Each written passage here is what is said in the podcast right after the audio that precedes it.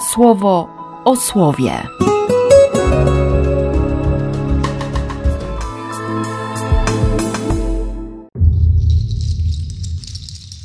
Dwudziesty sierpnia, sobota.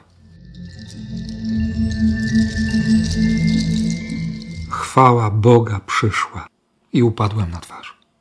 Tak jakby w 43 rozdziale prorok wrócił do początku, do pierwszego powołania, do pierwszej wizji. Bóg wszedł do swojej świątyni. Pokazał, kto tu jest Panem. Świątynia wypełniona chwałą. Tak, świątynia wypełniona chwałą. Twoje i moje życie. Pełne chwały Boga. Ha, tak jest. Tak ma być, tak może być. On tego chce. Nad potokiem Kebar. Ta pierwsza wizja Ezechiela była nad potokiem Kebar. Dla Żyda zbieżność nieprzypadkowa. Bo przecież Dabar to słowo. To słowo Boga, to obietnica.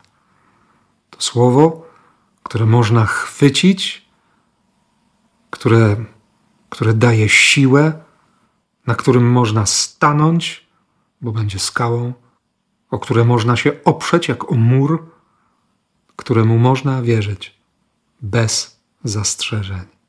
Bez zastrzeżeń. Słowu Boga. Dlatego Jezus mówi mocno.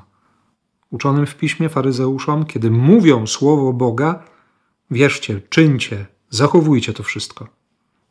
Słuchajcie tego, co mówią, ale uczynków nie naśladujcie.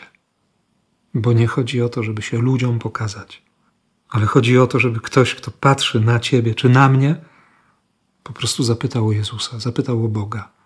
Albo zwyczajnie zadał pytanie: skąd ty to masz? Kim jesteś? Dlaczego tak? A jeśli już masz, to żebyśmy tylko nie zapomnieli, od kogo to mamy, kto jest dawcą. I większą uwagę przywiązywali do tego, żeby uszanować, podziękować, wyrazić jak tylko się da wdzięczność temu, który dał nam wszystko.